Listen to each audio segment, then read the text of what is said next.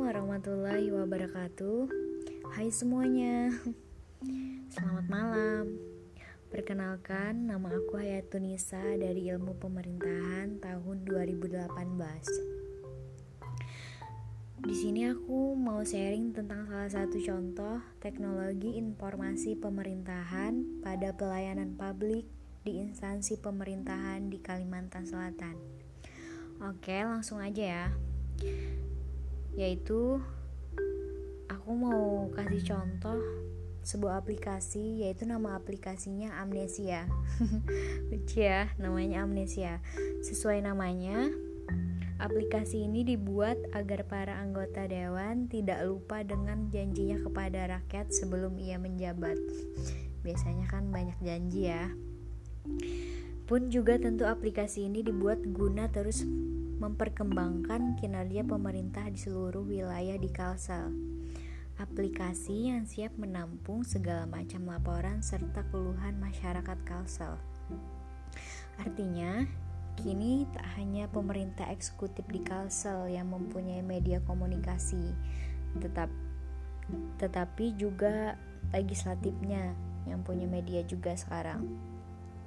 Aplikasi yang bisa diunduh menggunakan ponsel pintar ini bisa digunakan masyarakat untuk menyampaikan langsung laporan terkait kebijakan, lalu tentang fasilitas, misalnya di daerah kalian jalannya masih rusak, di desa kalian jalannya masih rusak. Habis itu juga tentang layanan publiknya.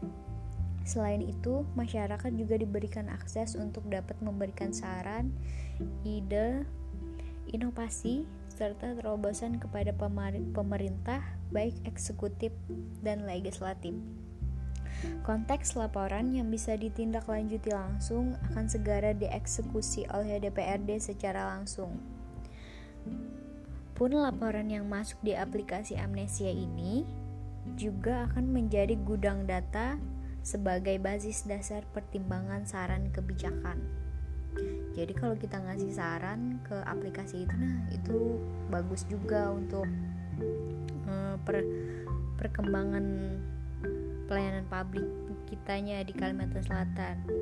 Habis itu aplikasi ini disebut